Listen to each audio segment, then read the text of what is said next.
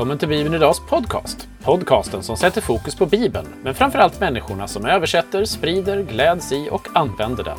I dagens avsnitt möter vi Kristina och Mikael Avaheden som är verksamhetsledare för Navigatörerna. Vi pratar om studentarbete och vikten av att erbjuda goda samtalsmiljöer. Jag som leder podden heter Olof Brandt.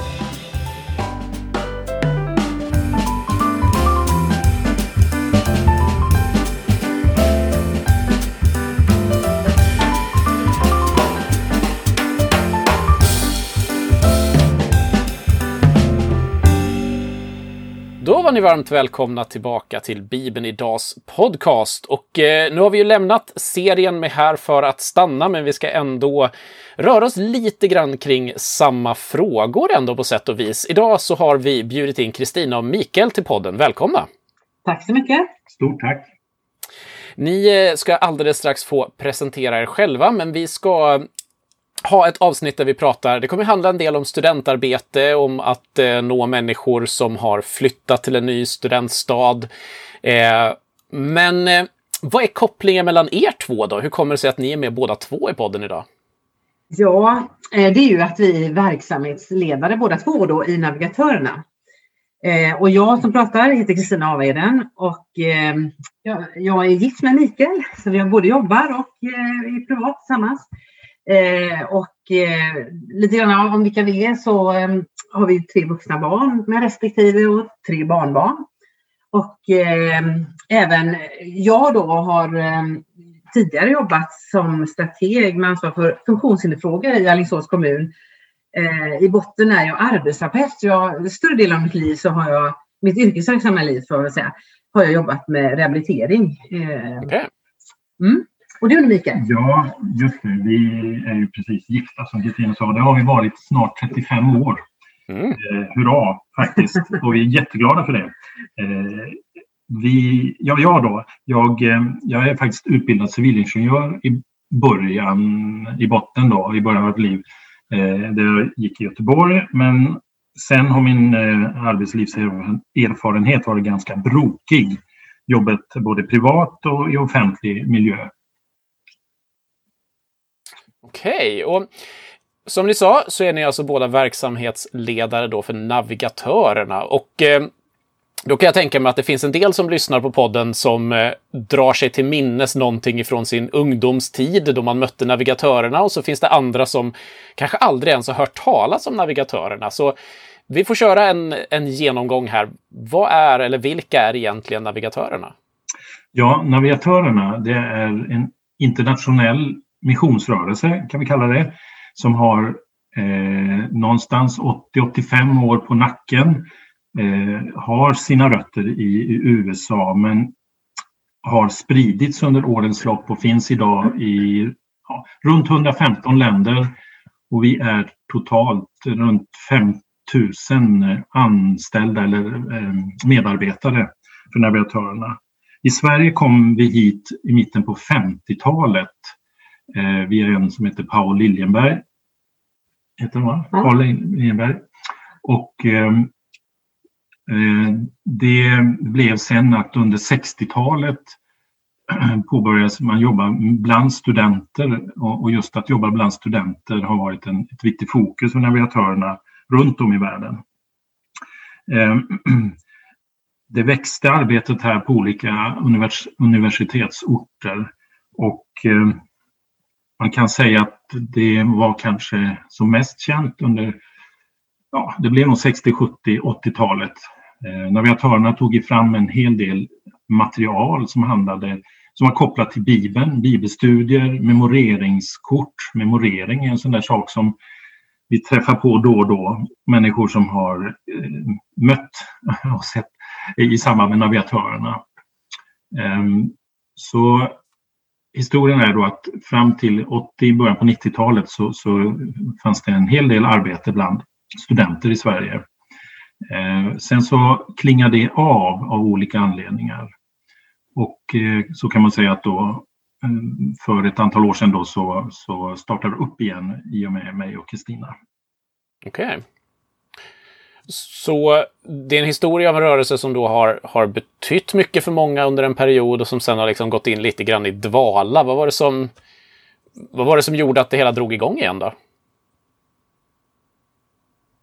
Ja, eh, det var för snart fem år sedan så eh, gick eh, den som var studentledare i pension och eh, den som skulle efterträda honom eh, ville ha ett eh, nationellt team.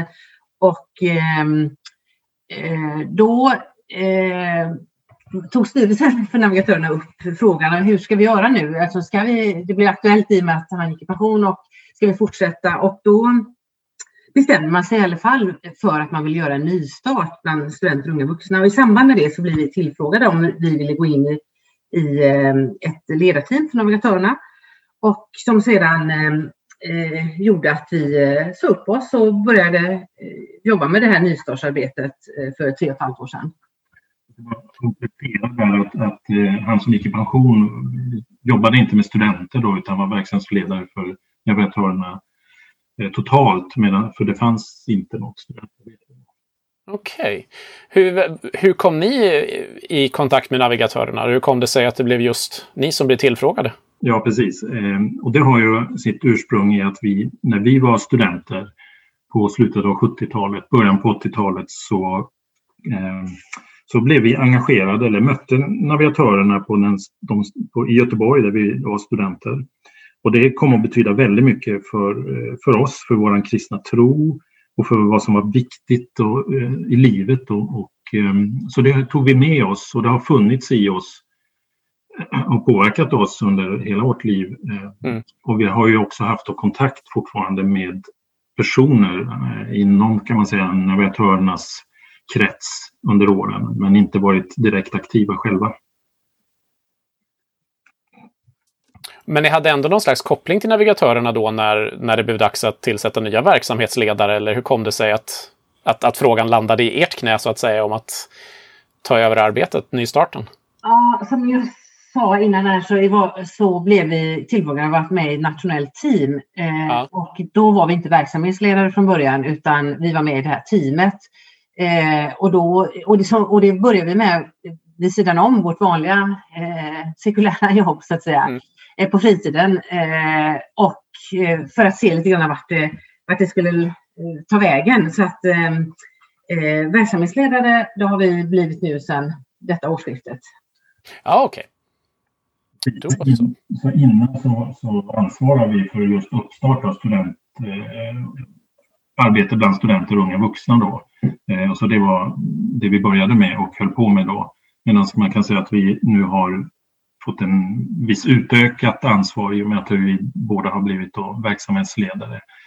I och med att hon eh, som Annika som var verksamhetsledare tidigare, hon har slutade då vid årsskiftet. Just det. Så som verksamhetsledare och eh, studentmissionärer höll jag på att säga, vad, vad ser, hur ser ert vanliga arbete ut? Nu förstår jag ju att det är väldigt speciellt. Jag intervjuar er mitt i under covid-pandemin och sådär, men hur ser er vardag ut? Vad gör man som verksamhetsledare för navigatörerna till vardags? Ja, alltså eh, det som övergripande vi gör är ju att eh, vi ansvarar för och utvecklar då arbetet bland studenter och unga vuxna. Eh, och det gör vi utifrån eh, vår vision att vi vill förmedla tro, hopp och meningsfullt liv i Jesus till studenter och unga vuxna som de i sin tur kan ge vidare till andra. och ehm, ja. Ja, alltså precis. det är ju den största delen kan vi nog säga. Ehm, men vi ansvarar också att jobba med, med att utveckla och förstärka vårt ehm, samarbete med kyrkor, samfund, ehm, alltså nätverk. Vi har också då en någorlunda ofta kontakt internationellt då, i och med att vi är en internationell organisation eh, där vi möter kollegor, eh, framförallt ifrån Europa då, eh, ja, huvudsak digitalt numera då. Ja, mm. som allt just nu kanske. Jag tänkte på det ni sa, ni säger studenter och unga vuxna. Eh, är det för er samma grupp människor ni pratar om då, att studenter är per, per natur oftast unga vuxna eller är det liksom två inriktningar som ni har där? Nej, det är mer att, att, student, eller att eh, studenter är för det mesta unga vuxna. Eh, men eh, det kan ju också vara så att det är sådana som vi får kontakt med som är unga vuxna eh, som kan hänga på i grupper och annat eh, även om de inte råkar vara studenter just nu. De kanske har läst färdigt exakt eller ska börja läsa eller någonting Det spelar inte så stor roll. Det, det är den åldersgruppen kan man säga. Ja, Okay. Jag, jag, tänkte på det du sa att man skulle kunna förstärkas i sin tro och sådär. Är det arbete främst med redan kristna eller är det en blandning eller är det också ren evangelisation bland helt mm. sekulära studenter? Vad, vad liksom är betoningen på? Mm. Eh, jag skulle vilja säga att eh, det är både och. Eh, en eh, betoning rent konkret av att göra arbetet är, är ju mycket det här med att syssla med gruppsamtal. Och där har vi lite olika varianter. Vi har både kört alfa för studenter, vi har fördjupande bibelstudier. Eh, det liksom, Bibeln är ju viktig för oss navigatörer. Men vi har också då eh, så kallade öppna grupper eh, som, eh, där det är mer blandat med sådana som kanske inte tror eller tror eller är någonstans mitt emellan. Och i de här öppna grupperna, eh, där använder vi oss ofta av ett material som heter Boklän förstoringsglaset där man pratar utifrån olika perspektiv och man utgår från någon, något ämne som eh, ofta de själva har föreslagit då, studenterna att man vill prata om. Det kan vara identitet eller framtid eller något sånt, sånt eh, ämne till exempel. Och att man då pratar utifrån sig själv och andra människor eh, samhällets skapelse och gudsperspektivet och sen så har vi en runda med eh, vad tar vi med mig från samtalet. Och, eh, man kan säga att de, eh, eh, de samtalen i sig själva är ju på ett sätt, eh, i och med att de är öppna för både och, det, så blir de evangeliserande. Men det är mm. inte det enda vi gör förstås. Utan vi är också ute, nu är det lite svårt under pandemitiden, men vi jobbar till exempel mot studenten där vi knackar dörr och eh, är ute på så kallad outreach också. Eh, men eh, vi vill absolut nå eh, både och, både så nya, alltså sådana som inte har en tro och sådana som har en, en tro att de inte ska tappa den och bli fördjupade. Och det gör vi också genom till exempel genom eh, eh medvandrarskap eller mentorskap eller vad man nu vill kalla det för, där man också vi träffar eh, studenter en och en så att säga. Ursäkta. Ja. Jo, jag tänkte, jag skulle sagt också att vi, vi ser oss som ett komplement eh, till de kyrkor och, och samfund som jobbar i, i, i det här fallet då Göteborg. Där finns det ju en hel del um, aktiviteter och, och, och, där man inbjuder studenter och unga vuxna till. Um, Medan vi i huvudsak jobbar ute bland studenterna. Vi träffas när vi kunde träffas på studenthem mm. Eh, och bjuder in till samlingar i, i den typen av lokaler. Ehm, så på så vis tänker vi att det är viktigt att, att vara där studenterna är. Och, ehm, ja, så det är en viktig bit.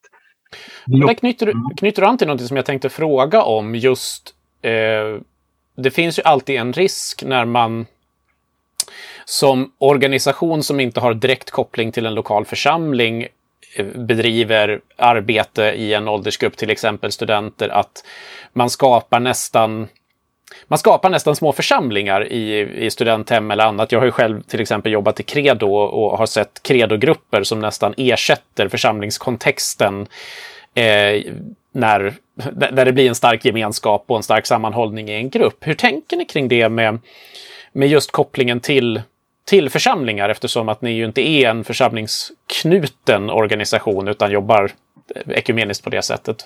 Eh, hur, hur, ser ni på den? Mm. Hur ser ni på det samarbetet och hur, hur, vad, vad vill ni att studenterna liksom i, i det långa loppet ska, ska hamna någonstans? Och sådär? Ja, ja, precis. Det är en viktig fråga. Ehm, jag, jag, tänker på kanske på några olika perspektiv på det hela. Ehm, det ena är att vi som jag kanske nämnde tror jag tidigare, vi jobbar för att ha samarbete med församlingar eh, i Göteborg nu om vi håller oss där. Mm. Eh, som vi har eh, träffar andra som jobbar med ungdomar, unga vuxna regelbundet, berättar om vad vi gör. vi, vi har också vissa direkta samarbeten där vi gör grejer tillsammans. Då. Vi, vi kan återkomma till det. Då. Men, så att det ena är att vi, vi känner att vi vill verkligen eh, vara en del av, av så att säga, kyrkan med stort K i Göteborg. Mm. Eh, och, eh, men samtidigt som du säger när man då möts på en annan plats som inte är själva församlingshuset. Vad är man då? Alltså, jag tänker inte att vi är en, en, en egen församling naturligtvis. Eh, däremot så kan det ha lite olika funktion när vi möter dem i, i de mindre grupperna. Eh, det kan vara så att vissa upp, är med där, alltså där blir den sociala gemenskapen för en viss tid. Mm. Eh, Medan många utav dem vi träffar, om vi då pratar om de som, har en, en, en krist, som är kristna, då, de har eh, oftast, för att inte säga alltid, någon koppling också till en kyrka som man, som man, har, eh, som man besöker eller är engagerad i på något sätt. Eh, vilket vi uppmuntrar till eh, förstås. Eh, så att eh, vi ser oss inte som församlingsbyggande, men vi ser oss som byggande av lärjungar för församlingen. Just det. Ja, och, och, många gånger så har vi faktiskt märkt att vi möter eh, unga som kommer och flyttar då till stan som inte har någon relation till en kyrka eller nästan håller på att tappa den och inte söker sig någonstans men som vi har fått en kontakt med och på så vis, ja, om vi får säga så, fångar upp mm som annars kanske inte har eh, ja, som hamnat utanför, om vi får säga så, utanför hela situationen, alltså utanför en kristen, kontext, kristen gemenskap. Då. Så att ehm, eh, så på så vis så, så, så, tycker vi att det fungerar det vi gör då utan att mm. Vara en, om vi får kalla det konkurrens, utan en komplement.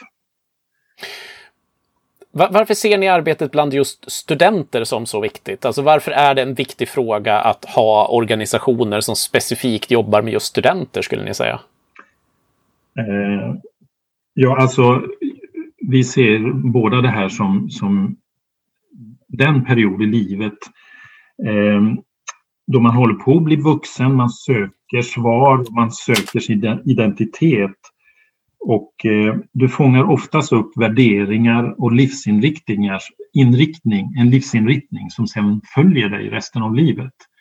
Så det är verkligen den period där du ställer frågor om vad du har varit med om och vart du är på väg.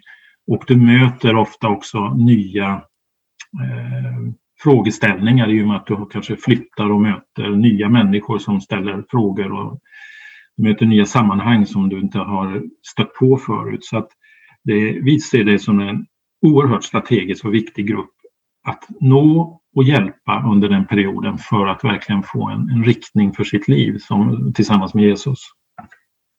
Jag tror också att, det är väldigt viktigt här att få chans att eh, formulera sig själv och höra vad man själv tänker och, eh, men också höra andras berättelser. Och det finns ju stöd för det i, i eh, eh, forskning bland annat som Cecilia Melder har gjort. Hon är ju religionspräst och religionspsykolog och hon hänvisar till Världshälsoorganisationens fem häl hälsobegrepp där fysisk, psykisk, social, ekologisk och existentiell hälsa är viktig. Mm. Och den här existentiella hälsan eh, lyfter hon ju fram då i sin forskning att, eh, att det är, eh, får man inte ut liksom, utrymme för den så påverkar det de andra hälsobegreppen. Och det är ju ganska naturligt i och för sig. Det kan man ju se att det går i vartannat. Men eh, vad hon också lyfter fram är ju att eh, får man inte svar på sina existentiella frågor så kan det också leda till faktiskt psykisk ohälsa. Och, och hon lyfter också fram det här med att det finns Eh, att det behövs fler forum där man kan prata om existentiella frågor. Eh, så därför så tänker vi att det är ganska viktigt eh, också med de här öppna grupperna eh, som, eh, eh, ja, som vi gör, så att, just så att man ska få utrymme för den existentiella hälsan. Mm. Ja, det kan jag verkligen tänka mig någonting som, alltså i ett land som på många sätt är väldigt eh, ligger högt upp på sådana här rankingar av hur man mår och så vidare så ser vi ändå en växande eh, växande i alla fall känsla av, av eh, psykisk ohälsa i det här landet. Och, och jag har inte svårt att tänka mig egentligen om jag tittar på det från ett kristet perspektiv att en del har att göra med just avsaknad av möjlighet att prata om... Jag, jag, jag kan bara jämföra med min, min, min fru, hon håller på att studera till lärare och vi tittade på hur man pratar om religioner överlag, men kristendom i synnerhet då, i religionsundervisningen på mellanstadiet. Och man inser att det är ju inte som ett det är ju inte som att det är de existentiella frågorna som ska kunna få svar i, i kristendomen, utan det är ju mer vilka traditioner ämnar du ha, när firar du jul och hur många sakrament har du? Det är liksom på något sätt det som lyfts fram när, när det sekulära samhället ofta pratar om, om religion, och mm. då kristen tro i synnerhet kanske. Eh, så jag kan verkligen se att, att det är ett rent hälsobefrämjande arbete som ni bedriver i någon mån där. Ja, och det kan jag säga att det, det bedriver vi också ihop med, med andra. Om vi tar exempel på vad vi gör med konkret så, så bland annat så är vi med och arrangerar något som heter Samtaloteket i Göteborg. Och där är det, är det flera olika stora kyrkor som samverkar med olika organisationer eh, sedan två och ett halvt år tillbaka där vi har tre temasamlingar per termin. Och, och det, det, är tänkt som ett mer lågtröskelprojekt därför vi har samlats på ett café och så är det en föreläsare som eh, tar upp ett visst ämne och sen är det, handlar det mycket om samtal runt borden. Eh, och det är också en tanke att liksom, fånga upp de här eh, ja, existentiella frågorna. Att man, att, att man ska kunna ta med sig sin kompis och, och, och eh, prata om livsviktigt, det som är livsviktigt helt enkelt. Eh, mm. Och jag tror att det finns ett, ett stort behov av det faktiskt. Men, men vad ser ni för frågor som är aktuella? Alltså existentiella frågor är en ganska, ganska samlande begrepp som kan betyda ganska mycket. Eh, när ni möter studenterna då, alltså både när de får önska vilka samtalsämnen som ska tas upp liksom i stor grupp eller när man pratar om, om mentorskap. Vad är det för frågor som är aktuella existentiella frågor för studenter idag? Ja, alltså eh, det här med egna krav eh, har ju valt rätt i en, en fråga. Alltså det ligger ju väldigt mycket på individen idag. Att ja. eh, man, man, man har så stort ansvar för sitt eget liv. Eh, men sen så är det klimatet och inte minst relationer är någonting som återkommer. Mm. Eh, jag tittade lite grann inför den här podden på, på den gruppen som jag är i då med livsfrågor nu i vår. Och där det är fem killar som är med och eh, eh, där är det och de har fått önska då ämnen för varje gång och där har vi pratat hittills i vår om rädsla. Vi har pratat om relationer, vi har pratat om värderingar och sist pratade vi om personlighetshattar. Det var någon som hittade på det mm. begreppet. Det är lite grann där att man kan vara lite olika i olika sammanhang och det kan vara både på gott och ont då. Och sen så har de önskat nu framöver eh, avundsjuka, kommer bli en gång, konst, eh, ensamhet och naturen. Eh, mm.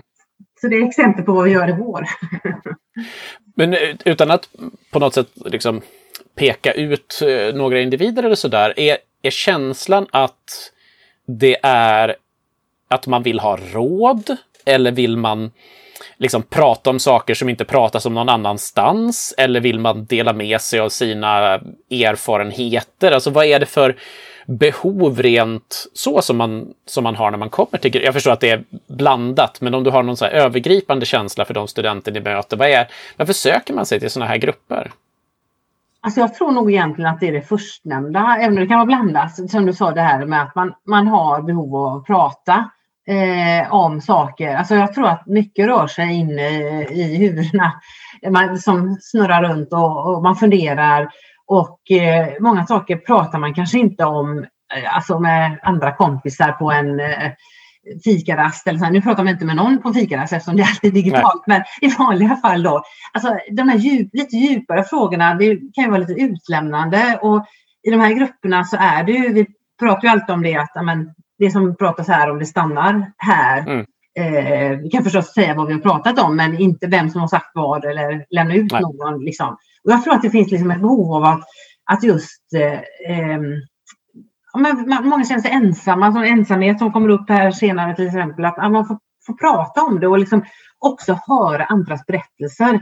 i och med att vi också har den här metoden som jag nämnde lite hastigt där vi först för varje perspektiv vi har så, så eh, går vi från en, för, eller varje, var och en får prata först eh, utifrån sitt eget perspektiv då och ingen får störa. Eh, utan ja. man, man, de andra är tysta och lyssnar. Och först när alla har pratat om ett perspektiv, då kan man gå vidare och säga men ja, det var intressant eller kan du fördjupa det eller hur menar du eller så här har jag också tänkt eller sånt. Men annars så är det liksom, vi, vi lyssnar mycket på varandra eh, och det ger ju otroligt mycket bara att få höra så många olika perspektiv.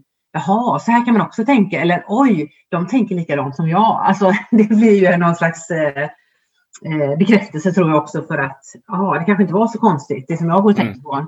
Så att eh, jag, jag tror framförallt att, att det är att man har, ja, att det är möjligt att få prata om sådana eh, frågor som faktiskt ändå kommer upp många gånger eh, i huvudet på oss var och en. Mm. Jag tänker i Här för att stanna så använder vi oss av eh, Erling Birkedals teorier om vad det är som hjälper barn och unga att stanna i tro. Och han lyfter ju att det finns tre, hu äh, tre huvuddimensioner på något sätt som vi har pratat om både en och två gånger här i podden över, över tid här. Att det finns en, en kognitiv del, en social del och en emotionell del. Där eh, många gånger så, så det, dels så kanske man har olika mycket behov av dem, men, men för att få en tro som liksom håller för livet så brukar man, så är det mer, så är det bättre att få alla tre delar så att säga över tid för att inte om man tappar det ena så, så tappar man också tron.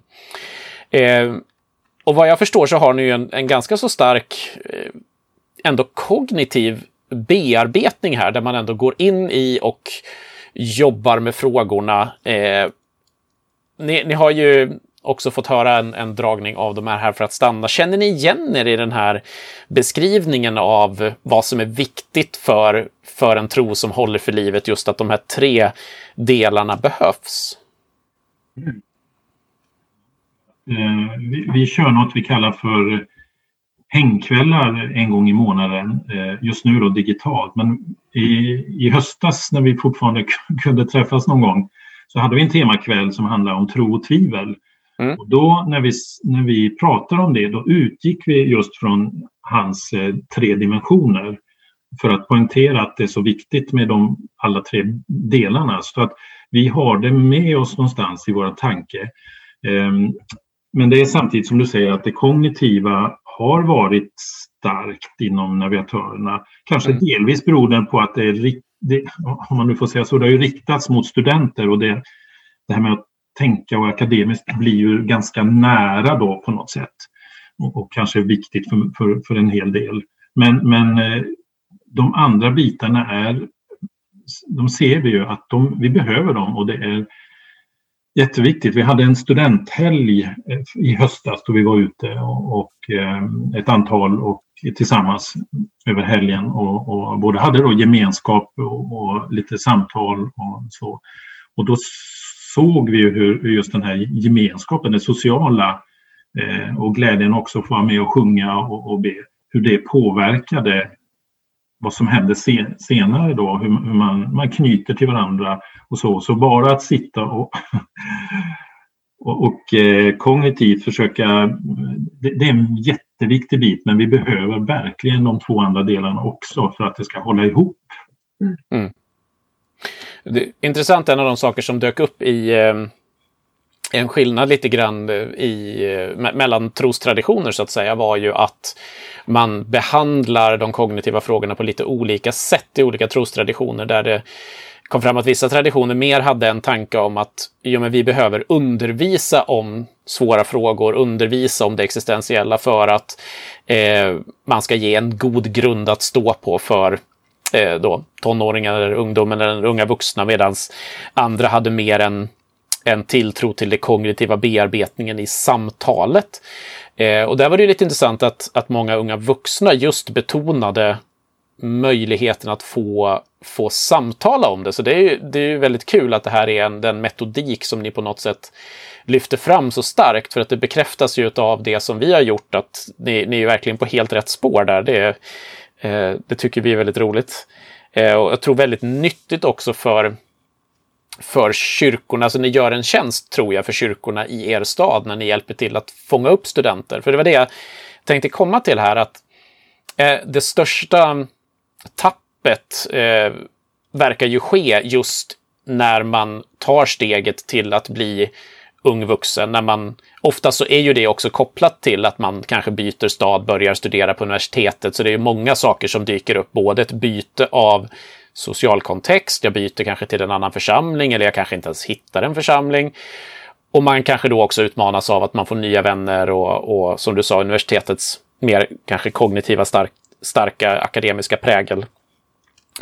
Va, om, om, om man ska vända på det här perspektivet lite grann, ni som då jobbar med studenter.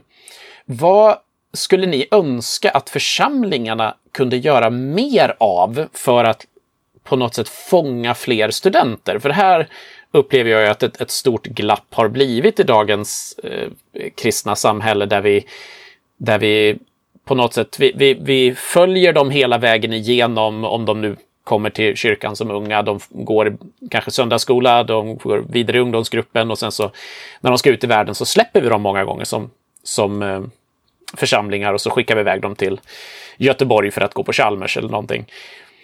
Eh, både som en sändande och mottagande församlingar. Vad, vad, ni som möter studenterna, vad skulle ni vilja liksom säga till församlingarna om ni fick så här radiotid att bara prata till dem? Vad, vad, vad behöver man tänka på som församling utifrån studenternas situation? Ja, eh, jag tänker så här att två delar då. Eh, vikten för, eh, om vi får kalla det de, de sändande församlingarna, alltså de som där, där barn och unga växer upp, att man faktiskt inte bara släpper dem eh, utan försöker hålla någon slags kontakt och hjälpa dem eh, vidare dit de går. Så man, så man inte bara känner, jaha men nu slutar du Kalle här i vår grupp. Ja men lycka till, jätteroligt att du var med. Eh, utan att se att, att vi, vi har ett ansvar att vi, eh, vi behöver verkligen följa med på något sätt. Eh, och det tänker jag också när det gäller de sändande församlingarna, att, att de också tänker utifrån de här tre begreppen med eh, kognitiva, sociala och emotionella. För att olika församlingar har lite olika tyngdpunkter som du nämnde innan och mm. att man kanske, jag tror att det är jätteviktigt eh, till exempel de som då kanske bygger, mest på gemenskapen. Där tror jag att, eh, jag tror i den här Birkedals eh, undersökning visar han väl på att de som hade störst benägenhet att stanna kvar i tron var väl de som hade den kognitiva biten stark, tror jag. Du får rätta mig om jag har fel. Men, alltså de, de, som hade störst sannolikhet att stanna kvar var ju de som, som på något sätt fick alla tre. Och ja, sen så var det ju mycket betoning att, att man behövde i det nya sammanhang man kom till så behövde det som man hade haft mest av också finnas på något sätt. Om man kom från en väldigt social miljö så kom ja. man till en som bara var kognitiv, då tappade man också ibland. Ja, okay. Så, men, men, just att det kognitiva var eftersatt på många platser, så jag tror att det är därför det betonas också. Ja, det kanske var så. Men jag, jag tänker just på det här med om man kommer från ett sammanhang där gemenskapen är det som betonas väldigt mycket på bekostnad av det andra, så är det ju kanske väldigt stor risk att man tappar därför att gemenskapen är ju just det som eh, upplöses i och med att de flyttar. Mm. Och de som då stannar kvar, eh, kanske på den lilla orten, där, där blir också eh, en upplösning av gemenskapen för de finns inte kvar, de som man brukar. Så det är egentligen också viktigt att tänka på de unga vuxna som då är kvar att de får, eh, får möjlighet till andra sorters eh, aktiviteter och inte behöver vara med yngre då, utan kanske få möjlighet till just samtalsgrupper som är för unga vuxna till exempel. Då, att de har, har riktade aktiviteter tänker jag är väldigt viktigt eh, i, i det, i, när man tänker på de sändande. Mm. har du de mottagande församlingarna då. Eh, jag tycker att jag ser goda exempel eh, om jag, jag, håller mig till Göteborg så har ju till exempel Salomförsamlingen jobbat med något som heter Smaka och se. Där man inbjuder unga att komma hit och, och smaka och se. Eh, och det tror jag har varit en jättebra väg för att, att få kontakt med unga.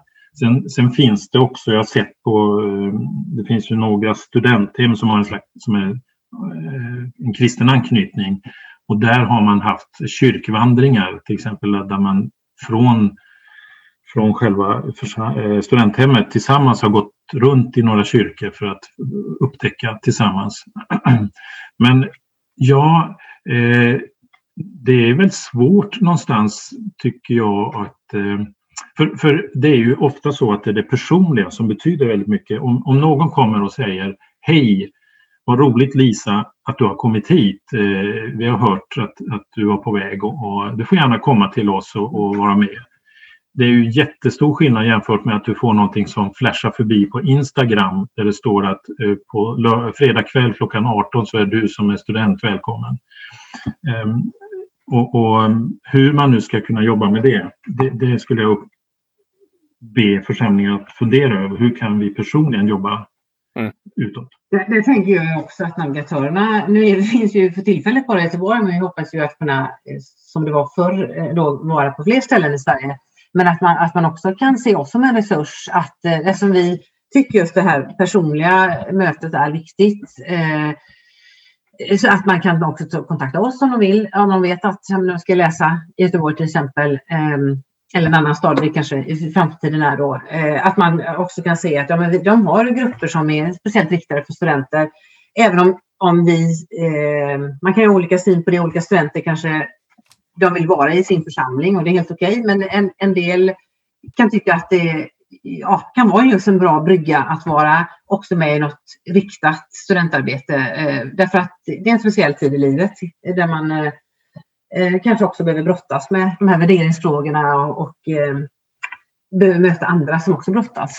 Så att mm. eh, det kan ju vara olika, men att vi kan också vara en brygga där, tänker jag. Mm. Absolut, det kan jag tänka mig. Ja, tillsammans med andra organisationer, det, som du var inne på, Credo förut och, och eh, mm. ja, det kanske finns ytterligare någon fler liknande eh, mm. som finns då. Men, men, generellt kan man väl säga att eh, Säg att vi i Sverige har runt 400 000 studenter. Eller tittar jag på Göteborg så pratar man om runt 60 000 studenter. Mm. Det är garanterat så att eh, eh, av dem så är det den absoluta majoriteten, de stöter inte på oss kristna. Eh, utan vi har ett jättefält att, att nå och finnas bland studenter vart vi nu än bor. Så att eh, Eh, vi borde hjälpas åt mer. Mm. Eh, det är inte, det är ingen, ja, det är inte, vi springer inte ner varandra direkt, vi som jobbar mot studenter och unga vuxna idag. Nej, så är det väl.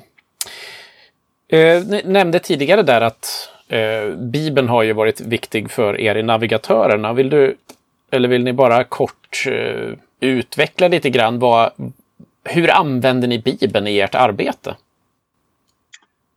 Ja, vi gör det på lite olika sätt. Ehm, det är verkligen ehm, en grund för oss. Eh, dels har vi ju en grupp med, med, med bibelstudier där vi verkligen för, försöker fördjupa oss. Mm. Ehm, vi, ut, vi tänker ju mycket utifrån begreppet lärjungaskap. Och vi har också eh, jobbat med att, att eh, försöka hjälpa ett antal unga ledare att växa eh, som kan i sin tur ta ansvar och, och som tar ansvar i, i, grupper. I den så, så, så gör vi själva då bibelstudier men vi har faktiskt tagit upp den manteln när det gäller memorering så att det är en bit. Vi, mm. vi memorerar tillsammans, eh, har gjort nu i flera år. Eh, utmaning för oss som är lite äldre får man nog säga. Eh, att försöka få in nytt men det är en viktig bit för oss och eh, även i samtalsgrupperna så utgår vi har vi eh, också med oss det här med vad säger Bibeln eller vad har Bibeln för budskap om till exempel rädsla eller någonting annat. Så det är en, grund, eh, ett, en grundsten för vårt sätt att arbeta och tänka. Eh, men också jobbar vi mycket med att hur, hur kan vi få det här eh, förståeligt och aktuellt om man är ung idag. Så att säga. Vad, vad säger Bibeln om till exempel ekonomi hur ska jag leva mitt liv? Hur ska jag tänka omkring pengar? Hur ska jag tänka omkring makt och annat som jag kanske stöter på på olika sätt? Vad säger Bibeln om det om relationer? Eh, så det, det är ju där vi hämtar ja, där vi hämtar vår källa för, för, för våra liv och hur vi ska tänka och hur vi ska gå vidare. Och vi tänker också att det är viktigt därför att vi, eh, det finns väl eh, undersökningar som visar på det också, att, att eh, kristna idag inte läser sin bibel sådär speciellt jättemycket. Ehm, eh, och att, att, man, att vi, vi totalt sett behöver bli duktigare på det och att det är viktigt att, att peka på Bibeln. Eh, jag tror tidningen Dagen gjorde någon undersökning för några år sedan till exempel eh, som visade på det. Och, ehm, eh, därför så kan vi se också att kristna som vi möter som kanske har varit med i församlingen hela sin uppväxt är ändå väldigt sådär lite, mm, ja man hittar inte riktigt i Bibeln och man är inte riktigt, man är inte riktigt sådär bekväm eh, med det. Man kanske man har, man har kanske kommit från sammanhang där man inte tyckte så mycket. Så därför tänker vi att det också är viktigt att eh, ha det som en del. Att man, man lär sig att hitta i Bibeln och få en grund själv helt enkelt. Att inte någon, någon har sagt att det står så här i Bibeln utan man vet att så här står det i Bibeln och jag kan hitta det. Just det. jag skulle komplettera en av de här byggstenarna som finns med här för att stanna det här Jesus i vardagen. Mm. Det tycker jag är eh, jättespännande. Det är så tänker vi. Vi försöker inspirera och på olika sätt uppmuntra till att var och en av de kristna som är med oss att, att man har sina personliga andakter, att man söker själv i sin relation med Gud eh, dagligen helst. det uppmuntrar vi ofta till på olika sätt. Eh, alltså att man får en vardagstro som, som, som man kan eh, leva med och att man får det med sig för det betyder ju så mycket sen när man kommer ut vidare om man har fått goda vanor och vet ja, min kristna tro det är något för hela mitt liv och, och Gud är min inspiration och källa för hur jag ska gå vidare. Om eh, ni får drömma lite då. Var är navigatörerna om fem år? Vad, vad, vad ser, ni, ser ni framför er? Vad är det som eh, eh, det arbetet som ni just nu utför, vad kommer det liksom landa i om, om fem år ungefär? Vi hoppas ju att, eh, det, att vi finns på fler ställen i eh, fler studentstäder i Sverige och att det är Eh, studenter som har haft, har haft med sig eh, att det har blivit en, en, god grund för deras kristna tro och som de tar med sig i livet genom att de varit med navigatörerna. Eh, det, det tänker jag att, att vi gärna gärna ser att, att, eh, att det har hjälpt många studenter till en vardagstro helt enkelt. Och att, att de i sin tur, då, vi vill gärna tänka att vi är generationella, att de i sin tur då vill hjälpa andra eh, mm. till samma sak. Eh, så att det sprider sig. En, ska säga, um, inte slogan, inte rätt ord, alltså, alltså en liten devis som vi brukar ha med oss, det är att um, Dream big, start small, go deep. Alltså att dröm stort men börja litet och gå djupt. Eh, för att det finns en växtkraft i det, precis som vi ser när vi läser om, om Jesus och hur han mötte människor. Han, han satsade på få eh, och gick djupt med dem. Och det blev i sin tur det vi har idag, en kristenhet över hela vår värld. Mm. Så att eh, om vi får drömma så är det väl så, tänker jag, att, att verkligen eh, ta vara på de kontakter och individer vi har idag och gå, försöka gå djupt med för att det i sin tur, tror vi, finns en växtkraft som gör att, att, eh, att vi kan finnas då på ytterligare ett antal universitets och högskolestäder framöver eh, därför jag ser att det är en sån otrolig eh, viktigt fält med unga som vi pratade om tidigare, den här viktiga tiden, perioden. Både hjälpa dem som kan vara som är kristna men också att nå alla dessa som inte har hittat dit. Ja, och, men jag vill återkoppla till det där om man nu drömmer så det finns ju kanske en fara att man alltid hamnar i kvantitet. Yep. Om jag drömmer om någonting så tänker jag ja men då ska det vara så stort och så många. Eh, jag tänker att det är viktigt att drömma eh, att, det, att det blir på djupet hos människor. Det behöver inte vara lika många men det behöver vara djupt hos de som finns med. Eh, det tror jag kommer att ha ett inflytande runt om människor. För studenterna flyttar ut runt om och, och blir, börjar jobba, skaffa familj, påverkas och kan påverka det samhälle där de finns. Det, det, det är väl våran dröm att det ska bli på det viset. Eh, bidra till församlingar, gemenskaper där man kommer så småningom. Fantastiskt. Det är onekligen någonting som eh, ligger väldigt i, i linje med det som, som hela Här för att stanna-rapporten också landar i på något sätt. Att vi behöver bli många fler som, eh, som jobbar både utifrån församlingar och utifrån organisationer som navigatörerna med att nå människor i de här viktiga åldrarna och ge dem de verktyg de behöver, de samtalsmiljöer de behöver och den utveckling de behöver för att liksom få en, en tro och ett lärjungaskap för livet. Så att, stort tack för det ni gör och eh, vi ska avsluta podden här. Vi ska gå in för landning som vi brukar säga. Eh, är det någonting som ni känner att oh, men det här skulle vi ju också vilja ha sagt så är det er möjlighet nu. Eh, egentligen inte jättemycket. Jag skulle bara vilja eh, säga min stora, uttrycka min stora glädje och uppmuntran och tacksamhet över den här Här för att stanna-rapporten. Eh, jag tycker den, den är väldigt viktig och vi, när, jag, när vi ser på den så ser vi att ja, det här är ju viktigt för oss. Och jag tror verkligen att det är viktigt för de som finns runt om i landet. Läs den noga, ta den till er och fundera. Vad, vad kan det här betyda? Måste vi, vad ska vi ändra på? Vad ska vi ja, göra om? Glöm inte bort de här människorna eh, mm. för aktiviteternas skull. Så att säga. Det finns jättemycket viktigt där. Så det vill jag skicka med.